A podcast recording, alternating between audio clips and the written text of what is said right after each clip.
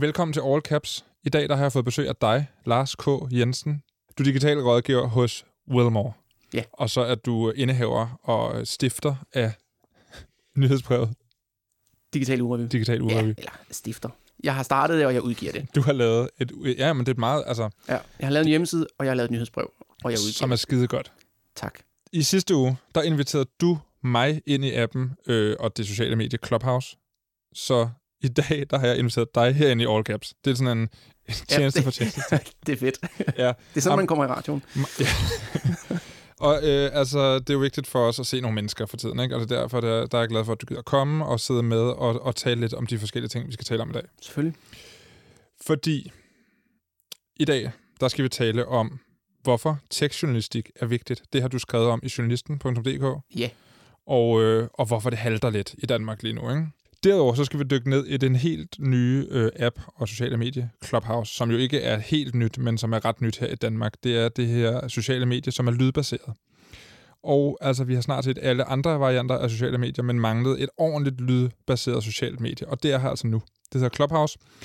Og det er muligvis kommet for at blive. Det skal vi i hvert fald tale om i dag. Om lidt, der ringer jeg til Anders Sævelsted. Han er underviser i digital markedsføring og en af de første danskere på platformen. Og så er han altså den, der er den, hvis man har brug for noget introduktion til platformen, hvis man er ny.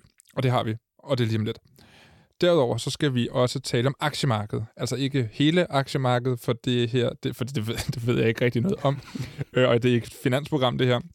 Men sådan en lille del af det. Altså denne her del, som jo er Øh, Wall Street Bets på Reddit, og øh, denne her aktie, som hedder GameStop, som jo har været i alle medier hele ugen. Men vi bliver nødt til at genbesøge den, fordi jeg har fundet ud af, at meget af den dækning, der er om sagen, det handler om nogle unge frækker på internettets mørke afkrog, der i fællesskab har ville drille og trolle aktiemarkedet. Og jeg er altså en lille smule i tvivl om den fortælling. Og det har jeg talt med Julie Horup fra Soundvenue om. Det kan vi høre mere om senere. Og så skal vi ikke glemme brystvorterne. Navnligt de kvindelige, for øh, de må ikke være på Instagram, men de må altså godt være her i all caps. Derfor taler jeg med manden bag min profilen, herlige Svend, om hvad der skete dengang han delte en lille bitte kvindelig brystvorte på sin profil, der ellers altså primært består af lyserøde sætninger og nuttede dyr. Alt det prøver vi at tærske igennem den næste time. Det her det er All Caps. Jeg hedder Anton Gade Nielsen. Velkommen til. Lars K. Jensen, digital rådgiver, som jeg sagde før, indehaver af nyhedsbrevet Digital Urevy. I sidste uge, der skrev du en artikel, eller en kommentar på journalisten.dk om øh, en, et, et bud på, hvorfor øh, tech-stoffet halter i de danske medier.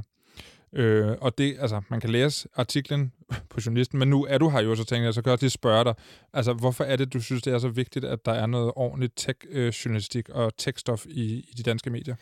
Det er det først og fremmest, fordi teknologi fylder mere og mere i vores liv, som jeg tror, de fleste har opdaget. Og øhm, altså, som, som, som vi snakkede om, vi to kan ikke engang have en dialog nærmest, uden at så er det via en eller anden tech-platform. Øh, jeg skriver sammen med mine forældre på WhatsApp, de får øh, billeder af deres barnebarn der. Øh, så, så teknologi fylder bare mere og mere i vores liv, og, og man er nødt til at have sådan en, et, en, i hvert fald en grundlæggende forståelse af, hvad er det for dynamikker, der, der, der er på spil. Hvad betyder det, når man trykker på en knap på, på Facebook og f- får præsenteret et eller andet øh, hjemmelavet horoskop fra en eller anden appudvikler?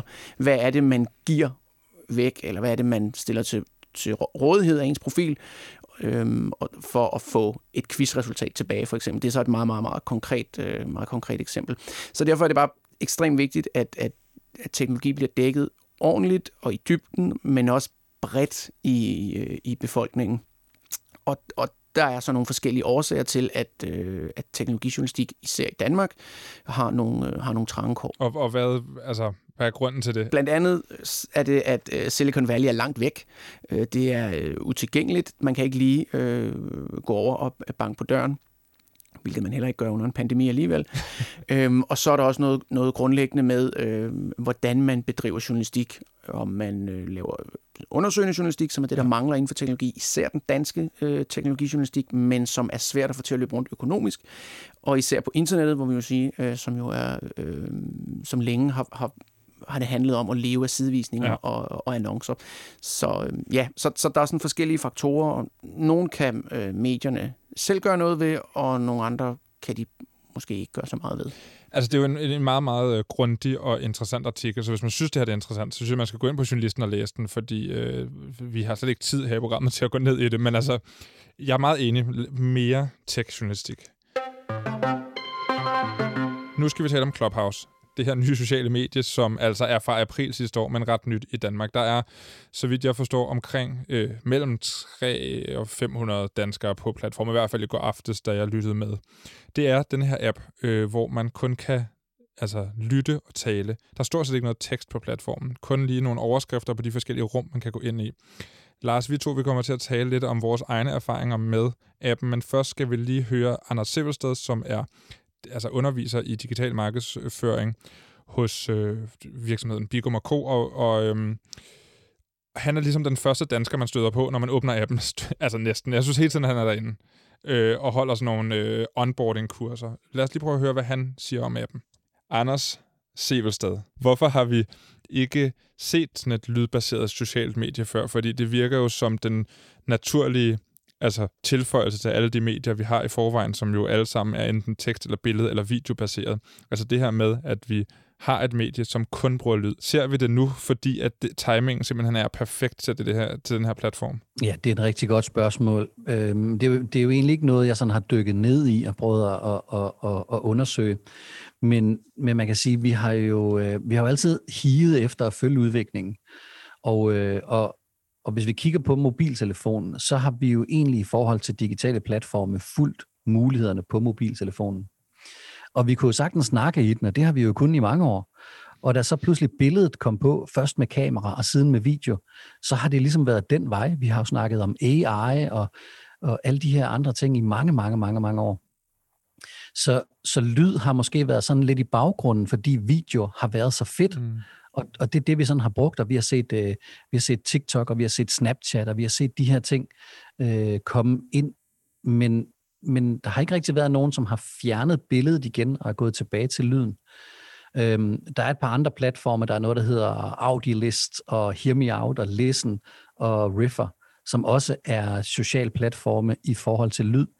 Men det har tit været musikere, som har siddet og jammet sammen, og det har været den, den vej ind. Og det har Clubhouse også været en del af, at de har haft rigtig mange musikere og kunstnere, som har siddet og spillet musik sammen. Og, øhm, der har på et tidligere tidspunkt været opsat Lion King, som, som, blev, som blev broadcastet ud via, altså via af Clubhouse. Så, så der er mange muligheder endnu. Øhm, lyd har en ulempe ved, at lyd fylder. Altså så når vi snakker båndbredde, så er lyd tungt. Og det betyder også, at at lyden på Clubhouse faktisk ikke er særlig god, hvis vi sådan skal være lidt hårde. Øh, det, det lyder som om, man sidder og snakker ind i en, øh, en halvdårlig mobiltelefon. Og, øh, og, og det er sådan præmissen lige nu. Øh, folk sidder på, øh, på et headset, som via Bluetooth er koblet til deres telefon, mm. som via Wi-Fi er koblet, koblet på deres internet. Og alt det her, det bliver nu sendt hele vejen til USA. Ikke? Øh, over til Silicon Valley, og, øh, og her bliver det komprimeret i en server derovre hos Clubhouse, og så bliver det sendt tilbage igen over Atlanten, øh, ud via wifi til en mobiltelefon og via Bluetooth ud til et headset. Så der, der er også virkelig mange ting, der kan gå galt i forhold til lyd. Men, men de ved godt, at lyd er et issue, og hvis den her platform skal, skal, skal kunne løbe med det, så er de nødt til at lave bedre lyd. Så de har teknikere lige nu til at sidde og prøve at løse de her udfordringer. Lad os tale lidt om fordelen med lyd, og så, for, og så det her med, at det jo faktisk er til forskel fra rigtig mange andre sociale medier, et, et live-medie, altså et flow-medie, øh, hvor de rum, du kan gå ind i, jamen de sker lige her og nu. Så det vil sige, at øh, hvis du vil følge med i denne her snak, nu har Elon Musk for eksempel været på Clubhouse i går morges dansk tid, og, og snakket lidt om blandt andet øh, denne her GameStop-sag, øh, som vi også kommer til at vende her i dagens program. Øhm, og det kunne du jo kun høre eller være en del af, hvis du var på appen på samme tid, og plant i jo de få øh, heldige, der kunne være inde i det rum. Øh, men det er jo ret unikt, altså, at, det, at det er live, og du skal være der, når det sker. Hvad, altså, jeg, jeg kan se en masse ulemper ved det, men, men jeg tænker, vi lige starter med, hvad, hvad er fordelene ved, at det er live på den her måde? Altså tanken, og det her det er, det er ordene fra, fra de to founders selv, er, at det bliver mere øh, authentic, altså det bliver mere, mm. det bliver mere rigtigt og ægte, når at det sker her nu, når ikke det bliver optaget, og når ikke det er noget, der er optaget på forhånd. Så nu bliver det en samtale mellem mennesker lige nu. Øhm, og, og det er jo det, de gerne ville. Jeg tror ikke, de har ikke haft nogen interesse om, at det her det skal være med, med rum med flere millioner brugere i samtidig. Øh, de er mere på de, på de mindre rum og de små samtaler. Så jeg, jeg, jeg tror virkelig, at der er mange, som, som nyder det her med at sidde og lytte til noget. Øh, Danmark er jo også en ret stort podcastland. Mm. Øh, vi kan godt lide at lytte til podcast. Og med det, så, så er det jo ikke engang, fordi der er mange, der, der lytter til podcast, men vi er også gode på radio. Vi har gode radiotraditioner. Og, øh, og de ting, tror jeg, man kan tage med over på, på Clubhouse. Øhm, jeg har været i små rum, hvor der sidder nogen lige så stille og læser godnat-historier op. Øh, jeg har været i rum, hvor der sidder musikere. Øh, jeg har været i rum, hvor at der er blevet lavet, øh, blevet, blevet lavet øhm, aftaler på kryds og tværs. Der har siddet nogen med nogle gode idéer og nørdet noget tech-talk. Og så er der troppet stor firma op og sagde, hey, det vil vi gerne, det vil vi gerne fonde, det der. Hvor mange penge har I brug for? Vi har brug for, det ved vi ikke, 100.000 dollars. Fedt, det får I. Og, altså, så, så, så de der rum er der også. Øhm, men der er også øh, rum med, øh, med, med, med unge influencer fra TikTok, som sidder og, og diskuterer i munden på hinanden, hvem der er mest kendte. ja, jeg, jeg så nogen, der beskrev det her som, at hvis du sidder på en restaurant eller på en café, og ligesom lægger mærke til herover på det her andet bord, der sidder der nogen, hold kæft, det er som, de har gang i en interessant samtale. Hvor ville man ønske, man var fluen på væggen til den samtale? Og det er jo lidt sådan, man kan få lov til, hvis man ikke selv deltager i diskussionen, så bare tappe ind i nogen, der har en eller anden interessant samtale om et eller andet, som du siger her, ikke? Jamen det er der, og der er allerede øh, nogen, som har, øh, som har lavet små, øh, små billeder, bare et par høretelefoner, hvor der står just listening. Mm. Øhm, og så kan moderatorerne i rummet sige, at det er fint, de er bare med på, på en lytter her. Øh, de har ikke lyst til at deltage i samtalen eller sige noget. Og det er helt okay. Det er jo det, som Clubhouse kan. Det er at være den her store konferencesal, hvor alle egentlig i første omgang sidder nede i konferencesalen og lytter til, til enten en konferencier eller en moderator, der står på scenen. Og den person har så mulighed for at invitere talere op, som så kan tale til hele konferencesalen. Og, øh, og hvis man har noget at sige, så kan man række hånden op og blive inviteret op på scenen og få lov til at sige noget, og når man er færdig, så kan man sætte sig ned igen og lytte videre. Og, og, og det er jo ikke sådan, at man er tvunget til noget. Man kan, man kan, bare, øh, man kan bare lige så stille forlade rummet igen og, øh, og finde noget andet spændende at lytte til, hvis ikke man synes, at det rum, man er i, det er, det, det, det er et fedt rum. Men men der bor jo den her fear of missing out i os, ikke? Mm. Øh, så uden at det er sådan en, en, en, en, en lægefaglig term, så, så, ved, øh, så, så ved psykologien jo godt, at den er der, og det betyder også, at nogen sidder og lytter længere tid i et rum, for ikke at gå glip af noget, end, end der måske var. Der skal vi måske også bare lære, at det er okay en gang imellem at misse ud på en samtale. Og, øh, og, og så er vi tilbage, så looper vi ligesom på at sige, hvorfor var det, de lavede den her app, og hvorfor er det, det kun er live? Men det er fordi, det er okay at misse ud på noget. Ikke? Altså, så, øh, så skal vi nyde det, mens vi er der, og så skal vi nyde det, mens vi ikke er der. Og det tror jeg måske er en vigtig ting med den her app, fordi jeg kunne nemlig godt forestille mig, og nu har jeg set nogle af de her rum, som jo fortsætter i utrolig lang tid. Altså, at de her samtaler kan jo strækkes over et døgn næsten, fordi folk går til og fra, og så kan man lige holde en pause og gå et andet sted hen, og så komme tilbage. Men den her følelse af, at være knyttet til sociale medier, og det her, som vi alle sammen ved, altså man fear of missing out, at, har jeg fået nogle likes? Er der nogen inde i det her rum? Er der nogen, der siger noget interessant? Jeg bliver nødt til at være på hele tiden. Ikke? Altså, det, det tænker jeg i hvert fald kunne være sådan en udfordring, og noget, man skal lære sig selv, når man begynder at blive afhængig af det her sociale medie, Clubhouse, at man, det er okay at holde en pause og gå ud af et rum og lægge telefonen fra sig, fordi det, det, det, det, er, lidt, det er lidt udfordringen, kunne jeg forestille mig. Jeg, jeg tror klart, vi har en tendens til at give platformene skylden for rigtig mange ting, som vi selv er skyld i.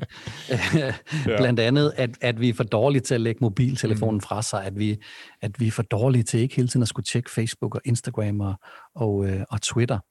Øhm, og øhm, jeg lyttede faktisk til, øh, til en lydbog af, af adfærdspsykolog Anders Kolding Jørgensen, som vi også har, som vi også har haft inde som gæsteunderviser hos, øh, hos Bigum og Co.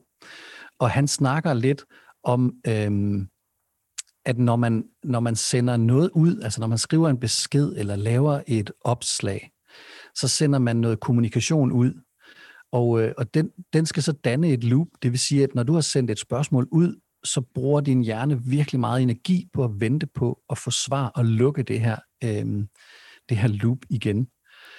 Og det betyder, at hvis vi smider et billede op af vores morgenmad på Instagram, så bruger vores hjerne energi på at finde ud af, om folk kan lide det billede, om det har fået likes, om det har fået kommentarer, og, og vi higer efter hele tiden at hoppe tilbage ind og se, om, øh, om, om det nu har givet det, vi havde håbet, det havde givet. Ikke? Øhm, så de her kommunikationsloop her, de, er, de, de, de styrer vores hverdag. Vi sender en mail til vores chef og forventer svar. Vi ringer til nogen, de tager den ikke, og vi tænker, hvorfor tog de den ikke telefonen, og hvad sker der i den anden ende? Og der tænker jeg et eller andet sted, at en platform, hvor tingene ikke bliver optaget, hvor tingene foregår real time, at de kan måske faktisk være med til at drosle lidt ned på det der tjekke loop der. Øhm, sådan at, at man siger, okay, det er okay ikke at være der, når jeg ikke er der.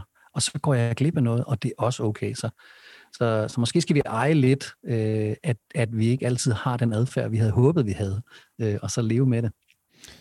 Ja, det, det, øh, det tror jeg nemmere sagt end gjort, men, men jeg tror, du har ret. Så er der en ting, jeg har tænkt over, og det er jo, altså, når vi er på sociale medier, øh, så kan kommentarsporet jo øh, være øh, altså, giftigt. Ikke? Specielt på Facebook er, der jo, er det jo nogle gange, øh, altså, der, der kan man, der, der, der kan man øh, få lyst til at gå op og lægge sig, når man har været i et kommentarspor. Men det er jo fordi, at der er meget af det her anonyme, ansigtsløse kommunikation, hvor man bare kan skrive et eller andet, og så kan man, øh, kan man gå ud og lave det, man nu ellers laver. Men her på Clubhouse, når man sidder, det er jo næsten som at snakke i telefon med hinanden, kunne jeg forestille mig på en eller anden måde. Og hvis man skal bidrage til det her, jamen så er det ens egen stemme, og man kommunikerer til et andet menneske, som man kan høre stemme på, og hvis man er lidt bævende eller lidt, øh, lyder lidt ked af det, jamen så kan det være, at man man kan opfange det som afsender. Så er der noget med måden, vi taler sammen på på Clubhouse, som er anderledes end de andre tekstbaserede sociale medier? Ja, det, det, det tror jeg helt sikkert, der er. Øhm, ja, vi sammenlignede en, et, lidt Clubhouse til at starte med, med, øh, med, med, med 0059, senere 159, ikke, hvor man kunne ringe ind Øh, og man kan sige, at man kan jo stadigvæk være anonym. Til, og have til, til, undskyld, undskyld, Anders, men til vores, det er jo en ungdomskanal, det her. Prøv lige at forklare, hvad det her er, fordi det er der jo ikke nogen, der forstår. Træfpunkt. Ja, altså der var jo ikke, øh, der var et, nå, nu lyder jeg virkelig gammel. der, der var jo ikke sådan lige internettet, hvor man kunne hoppe ind i et uh, chatroom som Arto. Uh, så, så det her chatrum, det var en service, det var et telefonnummer, man ringede til, som jeg husker, det var det frygteligt dyrt. Og, øhm, og så kunne der være nogle, nogle mennesker i et rum, som man så kunne ringe ind til. Og de her mennesker, de kunne så sidde og snakke sammen. Og der var ikke nogen, der vidste, hvem hinanden var. Så, så man var nødt til at sige det, øh, hvis, hvis, hvis det ligesom var, at man, man ville ud med det. Øh, men folk var også sådan lidt bange for at sige, mm. hvem de var. Øh, og så pludselig blev det lidt hemmeligt. Og, og der kan man sige, Clubhouse øh, opfordrer egentlig alle til at være sig selv. Og vi har jo også lært det op gennem nullerne. Vi, øh, vi så med internettets indtog, at folk oprettede aliaser og, øh, og gemte sig bag ved, ved sjove, finurlige navne. Og gennem nullerne, hvor, øh, hvor, hvor vi så øh, forskellige platforme, der oprettede folk som med sit eget navn. Øh, Facebooks indtog gjorde, at vi turde være os selv på internettet, men vi begyndte også at værne mere om, om, om os selv og vores sikkerhed. Øhm, og det betyder også, at når Clubhouse kommer nu, så vil det for mange heller ikke være noget problem at oprette en profil som sig selv og være sig selv på platformen. Og når man så snakker med andre mennesker, og nogen lytter på, så har vi en tendens til at opføre os pænere, end, øh, end når det er lidt omkostningsfrit, nemlig bare det at sende en, en sviner afsted som, øh, som en tekstbesked. Men når det så er sagt, så når folk ikke kan lide hinanden, så taler de ikke særlig pænt til hinanden. Og nogle af de rum har jeg også været i, hvor der har været mega diskussioner, og og der har jo været de her øh, lidt, lidt bitch fights, og hvad der ellers er, hvor folk også øh, opfordrer deres følgere til at anmelde profiler, og nogle er blevet lukket ned øh, på baggrund af de her anmeldelser, har været nødt til at skulle lukkes op igen, fordi at, at det var måske ikke en fair måde at gøre det på. Så vi som mennesker øh, bærer jo også et ansvar for, for at tale pænt, og hvis der kommer nogen og ødelægger det, øh, jamen så har man mulighed for som moderator at smide dem ud af rummet, Øhm, men der vil nok altid komme nogen og ødelægge, øh, ødelægge det lidt, ikke? og det er jo så, det er jo så vores opgave som, som community øh, for dem, der er der, at, at værne om, at platformen ikke bliver et sted, hvor, at, øh, hvor trolls og ballademager får, øh, får overhånden. Hvad så, hvis man forestiller sig, at der er, altså, fordi det, nu taler du om brugermoderering, ikke? men er der en, jeg ved ikke om du ved det, men en lidt mere overordnet moderering, hvis man nu forestiller sig, at en flok nazister finder på at oprette et rum, hvor de sidder og snakker om nazisme og om, hvor, hvor, hvor nederen øh, homoseksuel er. Altså, kunne man, hvad, hvad sker der, hvordan undgår man, at det sker? På sådan en her platform? Jamen, det gør man øh, ligesom på alle andre platforme, at man øh, monitorerer. Øh, og det betyder faktisk, at der sidder en computer og lytter med mm. øh, i den forstand, at den prøver at opfange, når de her ting, de sker. Og, øh, og der har allerede været forlydninger om, øh, om, om, om ting, der er sket i den her retning. Og det betyder altså, at folk får slettet deres profil, og dermed også deres brugernavn. Øhm, og, og hvorvidt de tracker ned på IP-adresser, det ved jeg ikke. Men, øhm, men, men man bliver altså lukket ud af appen. Så kan man selvfølgelig komme ind igen, og så er det et spørgsmål, hvor mange gange man gider det. Men, men, øh, men jeg har ikke set nogen af de her rum, og jeg har ikke rigtig set så meget af det her, hverken race eller hadsnak, eller folk, der, der mobber. Øhm, og det er måske også fordi, at platformen lige nu er et sted, hvor det er pionerer, der er der, og folk, øh, som, som synes, det er sjovt at og tænker, at det her, den her platform er god, den skal vi værne om. Nå, men lige her til sidst, øh, så kunne jeg godt bare lige tænke mig at høre, hvad du tænker, potentialet er for sådan en platform her øh, på, på længere sigt. Altså, er det det nye store? Er det det, som alle kommer til at være på? Til at starte med, så vi jo, så vi jo platformen komme og gå, og da Facebook kom, sagde vi, ja, jamen, det er også fint, mm. så er der Facebook nu, og så kommer der noget nyt om lidt. Men, men der kom ikke noget nyt. Facebook er der stadigvæk, og kigger man på antal daglige brugere og månedlige brugere, så er Facebook by far den største sociale platform, vi har. Og jeg, og jeg tror nu, at der kommer til at gå rigtig, rigtig, rigtig længe, før at Facebook forsvinder, medmindre at man måske går ind og laver en eller anden lov om, at de ikke må have så meget monopol på at være social medie. Men, men hvis man så skal prøve at måle med nogle af de andre, siger man, hvor ligger Clubhouse i forhold til Twitter og Instagram og Snapchat og TikTok, jamen så tror jeg, at, at, at Clubhouse har sin berettigelse. Så, øh, så jeg, ser det, jeg ser det i den grad som en platform, som, som vil få medvind, hvis ikke at der er nogen, der disrupter dem.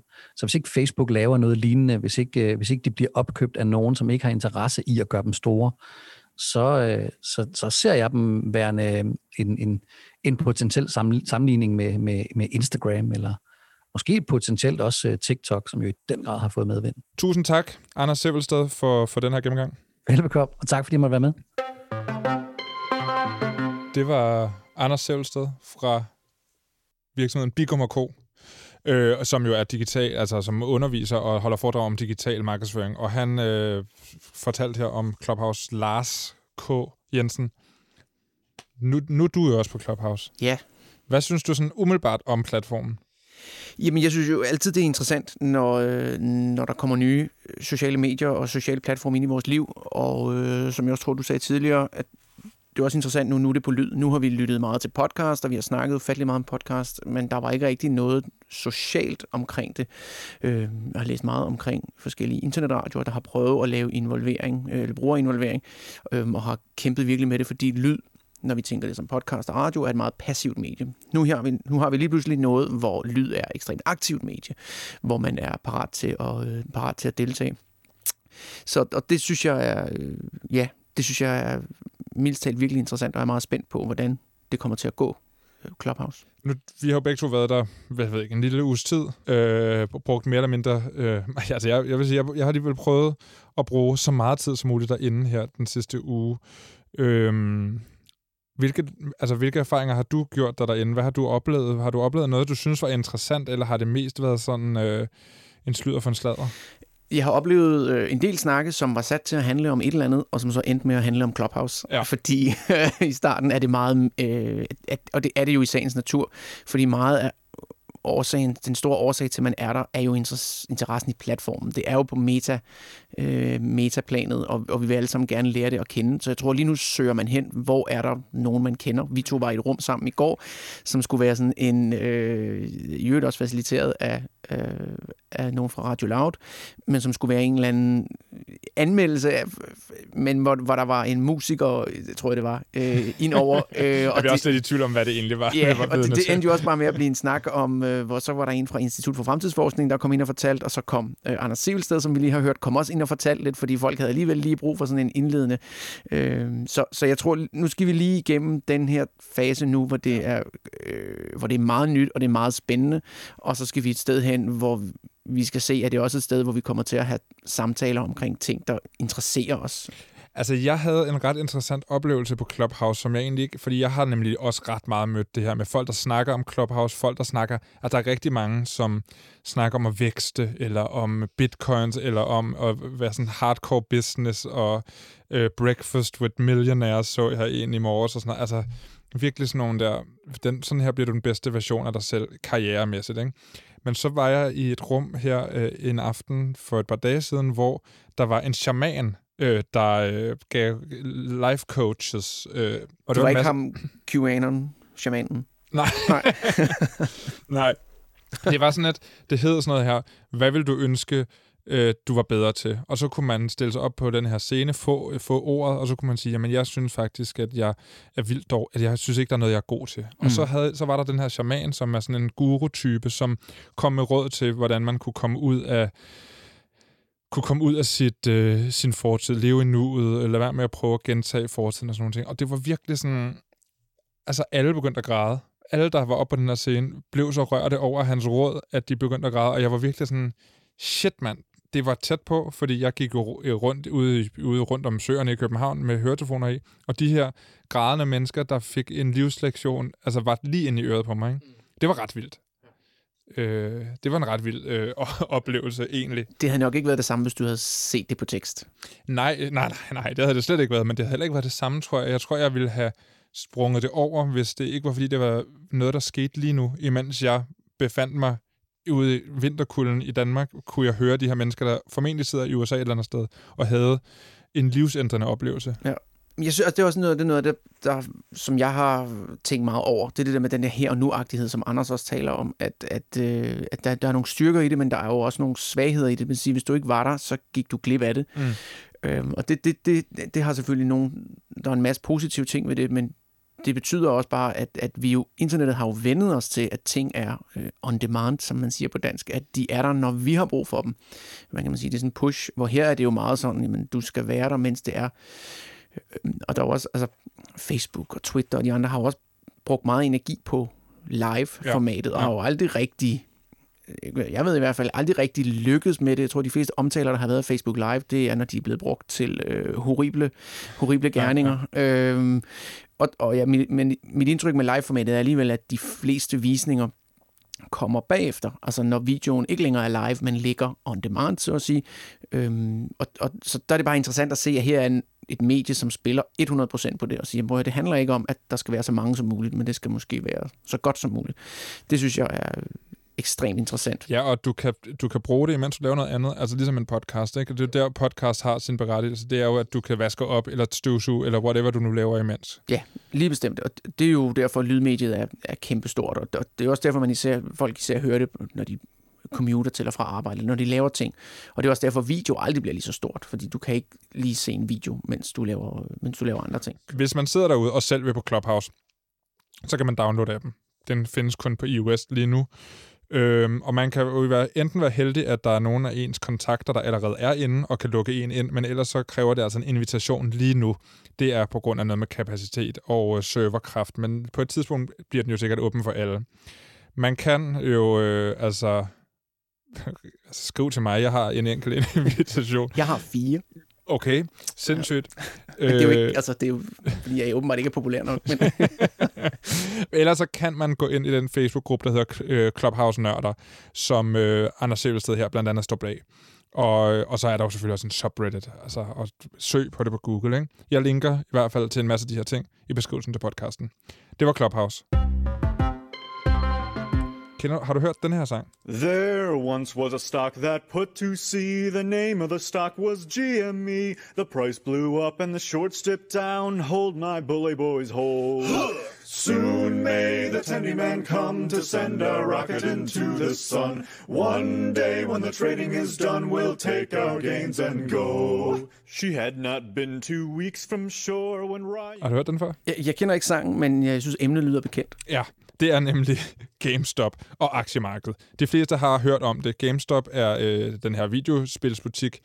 Øh, det gik rigtig dårligt for den. Øh, aktien faldt, og, og så var der nogen, der prøvede at tjene penge på aktiens fald. Altså de shortede aktien, hvilket kort fortalt betyder, at man satte sig på, at den fortsat vil falde. Men der var også nogen, der var uenige i, at den burde falde, altså i den her forudsigelse om, at den burde falde. Så derfor begyndte de at købe aktier. Og øh, det var der blandt andet rigtig mange, der gjorde for den her subreddit, der hedder Wall Street Bets. Så steg værdien helt vildt, og alle øh, dem, der havde shortet den, blev rigtig kede af det, og mange af de mennesker, øh, der havde købt aktien efterfølgende, blev rigtig rige. Og det kom i alle aviser, og alle snakkede om det, og mange forventede øh, Occupy Wall Street 2.0, og øh, nu er alt så stort set tilbage ved det normale igen, Yeah. så vidt jeg forstår. Det er sådan historien kort. Lars, jeg ved, du har tjent kassen på den her aktie. Ja, det er så en kasse appelsiner, men Ja. Øh, ja. Du har ikke... øh, jeg har ikke nerver til aktiemarkedet. Nej, Nej. nej okay.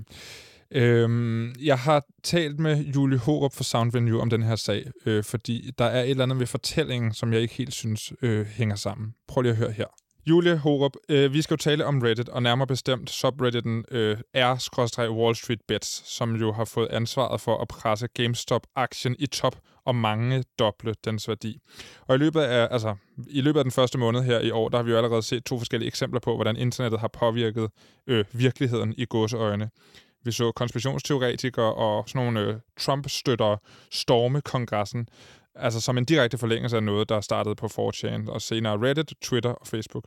Og i sidste uge, så så vi så kulminationen af, hvordan aktiemarkedet heller ikke skal føle sig for sikker.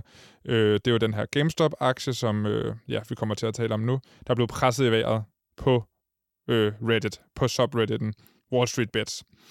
Prøv lige til at starte med. Fortæl, øh, hvad er det, der sker øh, på internettet nu, siden, de her, altså, siden at vi ser de her ting? Øh, hvad er det, der sker på de her fora? Hvad er det, øh, stemningen er? Jamen altså, stemningen er jo, den skifter meget hurtigt fra dag til dag. Øh, I sidste uge, hvor GameStop øh, var på sit højeste, var det ren eufori. Nu der er det sådan lidt mere øh, ked af det, og hvad har jeg gjort? Men øh, generelt så er der sådan en strømning på internettet lige nu, at alt er muligt. Altså, øh, at hvis bare man har en sag, og hvis man har nok mennesker omkring sig, så kan man guide en stemning op, og der er sådan set ingen grænser for, hvad man kan udrette, eller hvad der kan ske. Og det er både på internettet og også ude i den virkelige verden. Ja, og det, øh, det, er, jo, det er jo helt tydeligt at se. Helt sådan lige, lige uh, kort, hvad synes du om Reddit generelt? Altså, det bliver jo nogle gange kaldt for de mørke, en af de mørke afkroge af internettet, men hvad, altså, hvad synes du om Reddit? Jeg synes, det er, det er et af de mest positive sociale medier, som der faktisk er online. Altså det har, Reddit har en brød fortid, hvor at de har huset de her 4 typer og højere ekstremister, og altså alle dem her, som man normalt vil sige kommer i de mørke afkroge af internettet. Men de har også haft en meget øh, styrket indsats mod netop de her ting de seneste par år, og det synes jeg bærer frugt nu. Altså det, Reddit er et meget ja, positivt fællesskab, og så er der også det, der er helt unikt ved Reddit, det er, at det består af en masse silobaserede fællesskaber. Altså du kan sagtens være i en gruppe for, øh, for strik, øh, uden, at, uden at rende ind i nazister, og du kan sagtens for at vente om, hvad en nazist, uden at, at se på, se på øh, søde hundevideoer. Det, det er meget sådan, ja, silo-baseret, hvor at for eksempel et sted som Twitter eller Facebook, der bliver du præsenteret for stort set alt. Der kan du ikke rigtig selv styre, hvad du altid ser på. Man kan lukke sig inde.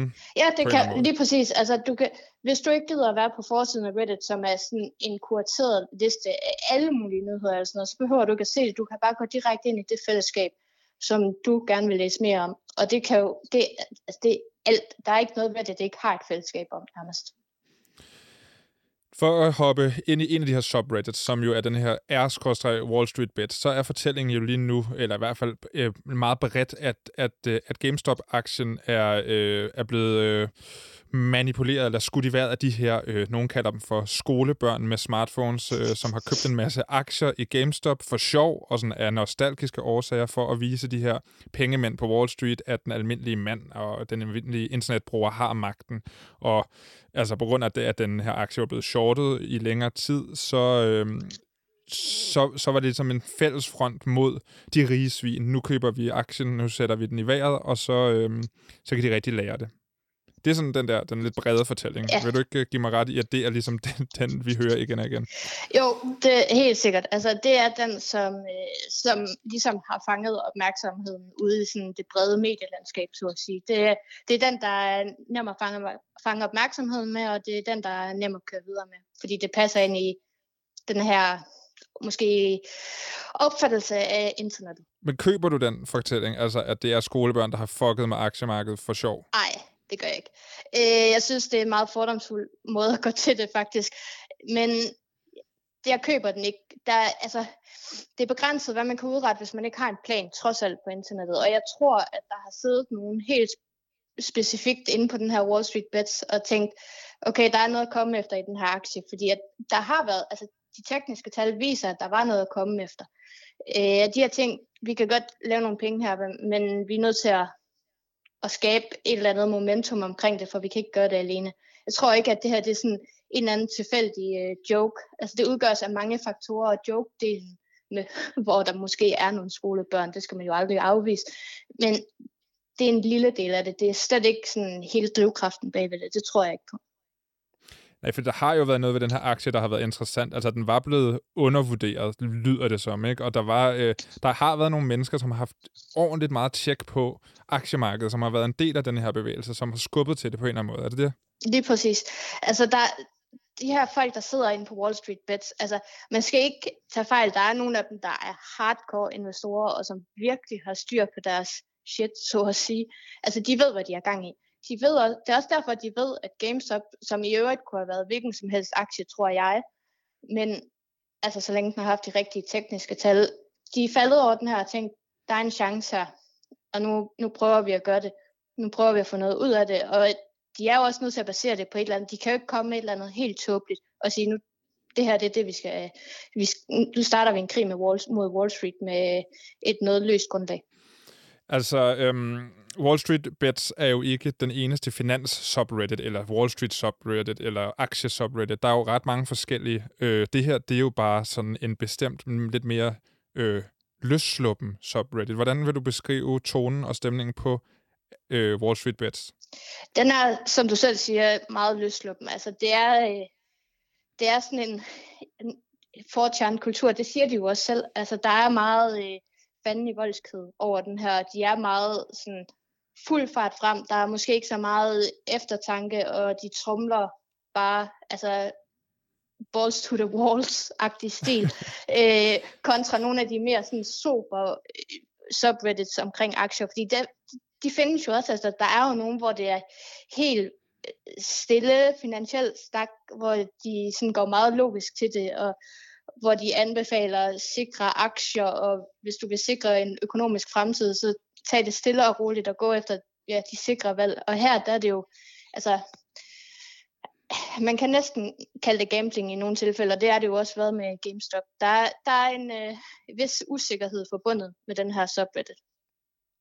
Ja, det virker lidt på mig som om, at det er sådan en... Øh hey, vi, vi ved ikke rigtigt, hvad vi laver, men det er ligesom en del af lejen. Det er det, der er joken, det er det, der er det sjove. Vi, vi vil godt leve livet lidt farligt, vi putter en masse penge ind her, og så håber vi, der ligesom øh, sker det, det, det, vi håber på. Vi håber, vi tjener på det, blandt andet. Altså, det er jo en del af stemningen herinde, ikke? Jo, lige præcis. Altså, det her, det er sådan en anden aktiekultur, hvor der skal være lidt far involveret. Altså, det er ikke sjovt bare at satse på Apple og øh, Amazon og Google og alt det her, fordi det gør alle, og det, jo jo, ens penge stiger, de, men de stiger langsomt. Det er ikke, hvor, her får, får du ikke dine penge til at gå fra 1000 til 1 million på en uge. Altså, øh, mm. det, der skal være noget far involveret, og det, de taber også pengene på det, men de er også indforstået med, at, at det er sådan, de kører den stil. Men kan man forestille sig, at der er nogen, der måske har udnyttet denne her stemning af, at alt er kaos og lige meget, og at vi ved måske ikke helt, hvad vi laver, men det er en del af det sjove. Altså til at skubbe til det her, og til at øh, påvirke, at der er blevet investeret i bestemte aktier, og på den måde, at det, der er sket her, vi så i sidste uge. Helt klart. Altså med GameStop, der, der er nogen, der har set sit snit til at tjene penge, men samtidig indset, at der skal også kastes mange penge i det her stund, for at det virker. Og der skal være mange folk, fordi en ting er, at de har pengene, øh, men de skal også have mængden af mennesker til at skubbe op omkring det her. på internettet, især på ja, Reddit, men også andre medier som Reddit, der hvis du kan skabe en eller anden hype omkring det, så er der lige pludselig tusindvis af mennesker, som hopper på det, og selvom de ikke fatter noget. Og det tror jeg, at der er, der er nogen her på Wall Street Bets, der har tænkt sådan, hvis vi får en masse folk med, så kan vi, vi kan score på det her, og vi kan trække os ud, inden det går galt. Og det kan godt være, at de andre ikke kan det, men altså, det er jo ikke vores problem så at sige. Men er det det samme, vi ser? Altså nu, det, jeg ved godt, det er farligt at sammenligne det her med, med for eksempel, som jeg gjorde i starten, stormløbet på kongressen, øh, QAnon og alt det her, men er det lidt sådan den samme tendens og stemning, det her med, alt er øh, kaos, alt er ligegyldigt. Vi så det med Donald Trump, ah, The Donald, øh, hvor at folk gerne vil have en meme-præsident, og de synes, det var grineren, at tænk nu, hvis vi kunne få Trump til at blive præsident. Altså den her øh, nihilistiske på en eller anden måde idé om, alt er alligevel latterligt. Ja, det er, det er lidt det samme grundlag, det hele bliver baseret på. Altså, det, der er vigtigt at forstå, når vi snakker om Reddit, det er, og i hele taget 4 og alle de her internetbevægelser, det er, at grundlæggende, om de kæmper for en højorienteret sag, som øh, Trump var med QAnon og det hele, eller om det er en, måske en mere øh, venstreorienteret sag, som Wall Street-krigen måske kunne kategorisere sådan, så er det stadigvæk de samme mekanikker, der gør sig gældende. Det er den her meme-kultur, hvor at, altså, det hele det bliver lidt en joke. Mm. Øh, men spørgsmålet er, hvordan bruger man værktøjerne?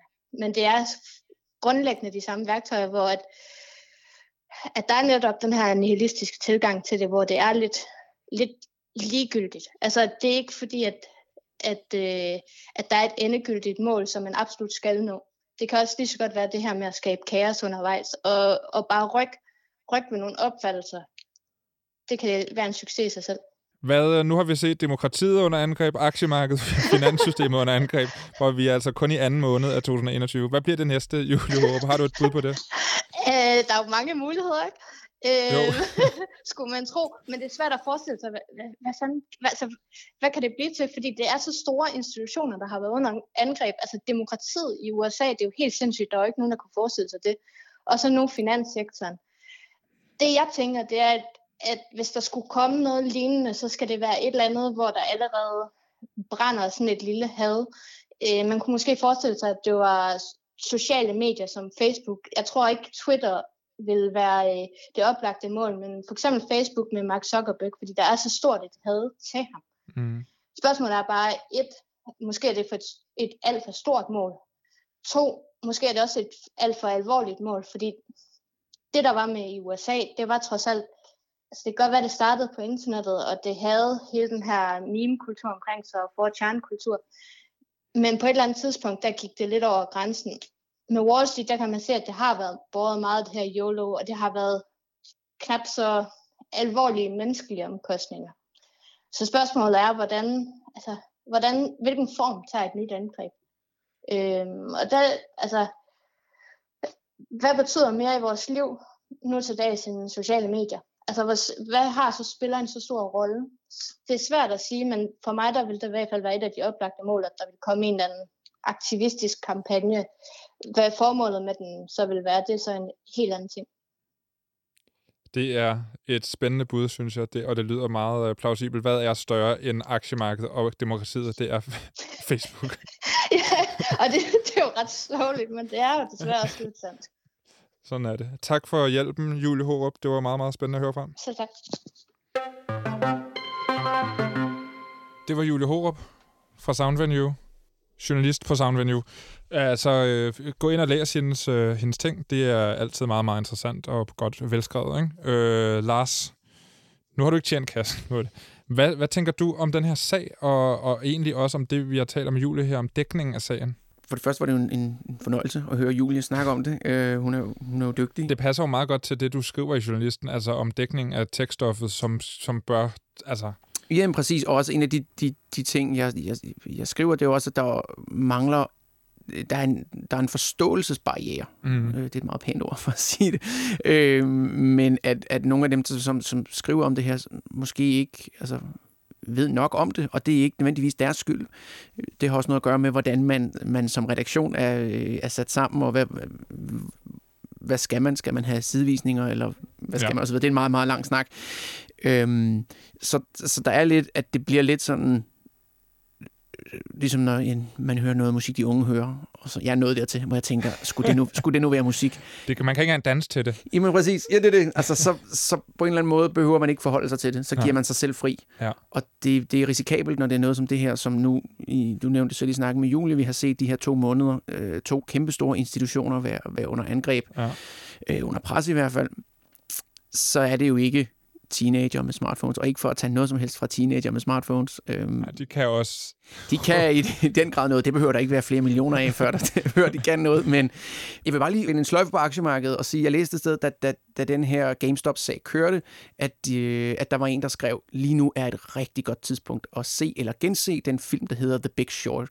Øhm, og jeg har faktisk lige genset den, men det var fordi, at jeg brugte finansjournalistik som afsæt for min analyse på, på det, den artikel på journalisten, vi startede med at snakke om, så derfor så jeg The Big Short, øhm, og må bare sige, ja, det var rart at blive mindet om, hvad betyder det, at man shorter noget, Ja, ja, ja, ja, og aktiemarkedet, og øhm, ja, og så er det bare en fed film. Sindssygt fed film.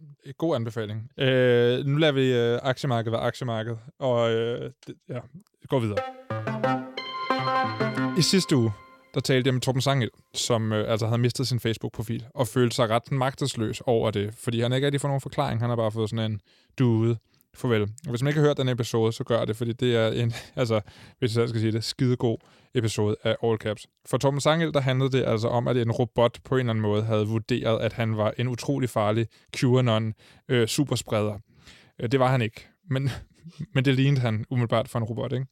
I denne her uge, der skal jeg tale med indehaveren af min profilen, Herlige Svend, som også har mærket Facebooks øh, sådan nådesløshed.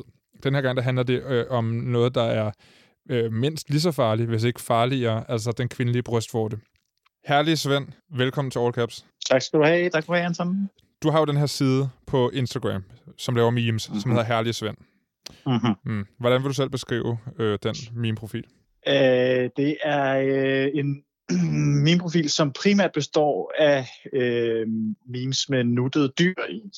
Øhm, og så er det nok en, en meme-profil, der er lidt mere sådan emo end øh, de fleste andre. Der er en del tristhed indover det, som også er meningen skal være sjovt. Og så tror jeg også, at øh, den er måske også sådan lidt mindre haha-sjov end så meget andet. Jeg tror, det er, øh, der er lidt mere fokus på genkendelig cuteness. Øh, og så fandt jeg ret hurtigt ud af, at jeg var rimelig dårlig til at lave normale, øh, i gåsøjne normale, sådan grove og mere aktuelle memes. Øh, men så blev det i stedet for sådan en, en form for ventil for mig, og de der tanker, man kan have i løbet af en dag, som man måske ikke lige ved, hvor man skal placere hen, eller hvad man skal gøre af. Så, så sætter jeg de tanker på billeder af, af nuttede dyr i stedet for. Så får jeg ligesom afløb den vej igennem. Og det kan godt være, det er mig, der er fordomsfuld og gammeldags, og, og, og selvom profilen hedder Herlig Svend, så vil jeg sige, at jeg blev lidt overrasket over, at det var dig, der tog telefonen, der ringede, og ikke måske... altså, jeg ved ikke, om du har hørt det før, at der er nogen, der tænker, jamen, vent lidt, er det, er det, en, er det seriøst en fyr, der har den her side? Ja, ja, all the time, mand. Altså, det sker ofte. Øh, jeg, er blevet, altså, jeg er virkelig blevet inviteret ud af en del dudes, øh, som tænker, at de er jo ligeglade med, hvordan jeg ser ud og hvem jeg er. De skal bare... De er sikre på, at vi er det perfekte match. og så er jeg bare slet, det er, jeg det er jeg sgu ikke så sikker på, mand. øh, altså, det er jo så også, fordi de tror, jeg er en, en, en pige. Men øh, ja, det, det, det, det er mig. Altså, jeg, man kan sige, jeg får hjælp af mine øh, søstre. De har sådan et, øh, et godkendelsestribunal, en lille redaktion, hvor at alle mine memes kommer igennem. Øh, vi har en tråd, hvor at alting ligesom bliver godkendt, kan man sige, af, af de to kvinder der. Så for, jamen, hvorfor det? Hvorfor, hvorfor skal det godkendes af dem?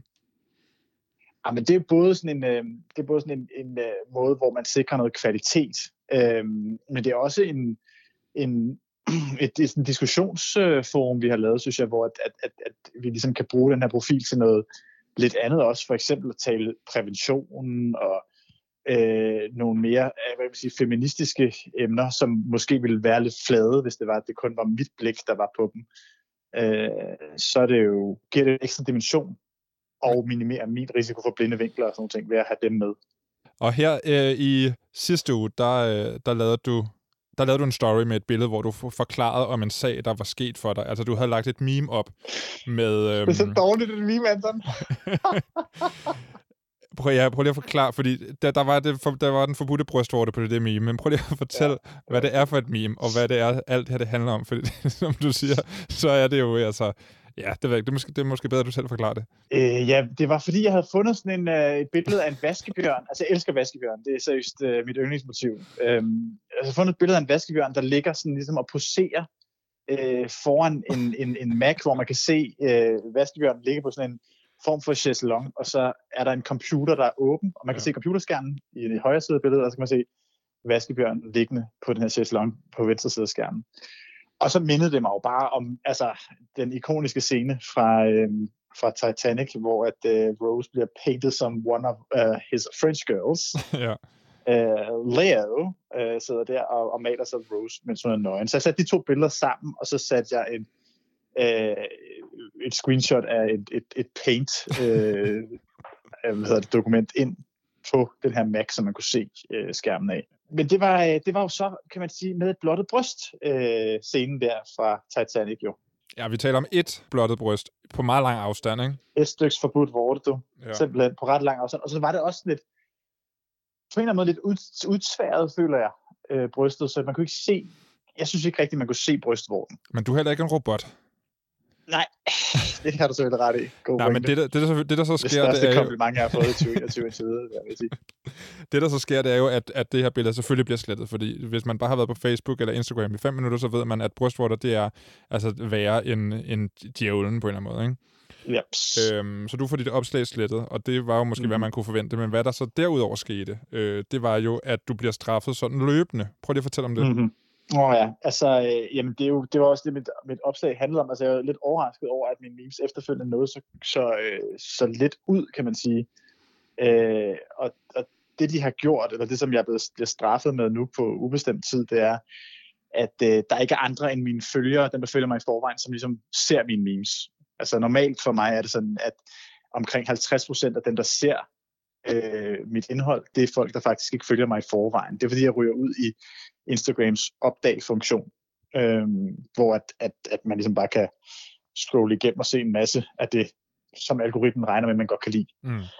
Men den er jeg simpelthen blevet banet fra, den funktion. Øhm, så det er en stor reduktion i, i, i reach. Og derudover så er min selve min reach er så også meget mere end, end halveret. Det tror jeg måske er sådan cirka en tredjedel af, hvad det plejer at være. Altså, altså hvor, meget, ud til. hvor, mange, hvor mange, nu sagde du, der var over 50 procent, der, der kom udefra. Hvor mange vil du, vil du vurdere, det er nu, der kommer udefra? Eller det ved du jo, fordi det kan du se på dine ja, statistikker. Ja, det ved jeg. Det, er en, det ligger ret stabilt på 1 procent. Ja, det er jo ret let. Ja, det er, øh, det er very, very less off. Øh, men derudover, så kan jeg jo også se, at det er også færre af mine egne følgere, som ser øh, de her memes i forhold til, hvad, hvad, hvad, hvad det plejer at være.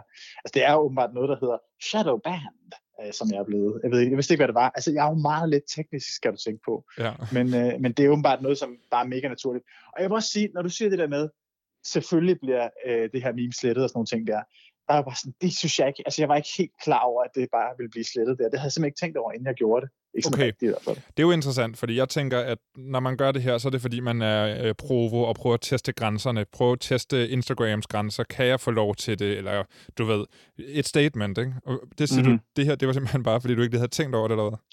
Ej, jeg havde måske ikke lige tænkt over det. Min tribunal der havde ikke været helt vågen, det ved jeg sgu ikke lige. Men øhm, jeg, øh, jeg er jo meget, jeg er jo et ekstremt ukontroversielt øh, menneske, altså, det skal du vide om mig. Ja. Øhm, og det er jo også derfor, folk er irriteret over, at den her meme-konto, tror jeg, har så mange følgere, fordi det er så ukontroversielt, det jeg laver. Øhm, så derfor så, så, så var det i hvert fald ikke min intention at provokere bevidst, men der var måske var der en lille del af mig, der tænkte, at det kan simpelthen ikke være rigtigt. Altså, det kan simpelthen ikke være rigtigt, det her meme, det slettet. Hvis jeg i hvert fald havde tænkt over det og været mere bevidst, men, så havde jeg nok tænkt, det kan ikke være rigtigt. Nu når du siger, at, altså, at alt andet indhold på den her meme-profil er ret ukontroversielt, øh, hvad tænker du ja. så om, at, at der bliver slået så hårdt ned øh, på på, på dig som profil ved det her lille altså nipslip? Ej, men jeg er så træt af det. Jeg er så træt af det. Jeg, var, jeg er virkelig overrasket over, hvor træt jeg egentlig er af det, fordi altså, jeg har hele tiden sagt, som jeg også har sagt til dig, at, at, at det, er jo, altså, det her det er jo en ventil for mig. Det er noget, jeg laver. Jeg hygger mig med det. Jeg synes, det er sjovt. Man kunne også begynde at strikke eller lave surdej. Det har jeg faktisk prøvet, og det gik rigtig galt. Men øhm, jeg, det er bare mit projekt, og, og så derfor så jeg tænkte, det kan sgu fuck det, det kan sgu være lige meget. Men det er bare en altså for den her underholdningsværdi og sådan nogle ting, så er det bare en ret stor motivationsfaktor, som bare sådan er væk, fordi at den her profil, den jo så ikke rigtig kan vokse nu. Så. Og hvad tænker du generelt om, om denne her øh, måde at moderere indhold, som øh, for os her, i hvert fald i Danmark, virker ekstremt ufarligt? Altså for det første, så er det jo mega frustrerende for, for mig som øh, enkelt person. Øh, jeg ved godt, det er ligegyldigt for alle mulige andre, men for mig som enkelt person er det sådan lidt frustrerende ikke at vide, hvor længe det her det bliver ved. Eller mm. bliver det bare ved for evigt? Skal jeg lave en ny profil? Øh, hvad er det egentlig helt præcist, jeg har gjort? Og, og er der noget, som jeg kan gøre for ligesom, at rette op på det igen?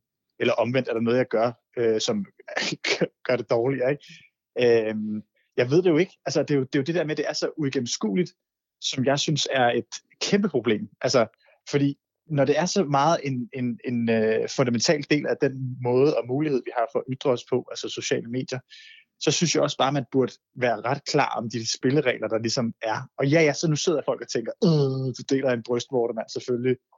Alt det der, ikke? Men jeg vil også bare gerne vide, hvad sanktion, sanktionerne så er, så må vi jo blive enige om, at så skal det ligesom være det samme for alle, ikke? Jo. Altså, der er jo masser, der er masser af eksempler på, at fordi du er kendt, for eksempel, så får du ikke de samme sanktioner, og fordi du øh, ligesom har meget magt, så får du ikke de samme sanktioner, som hvis du ikke har meget magt.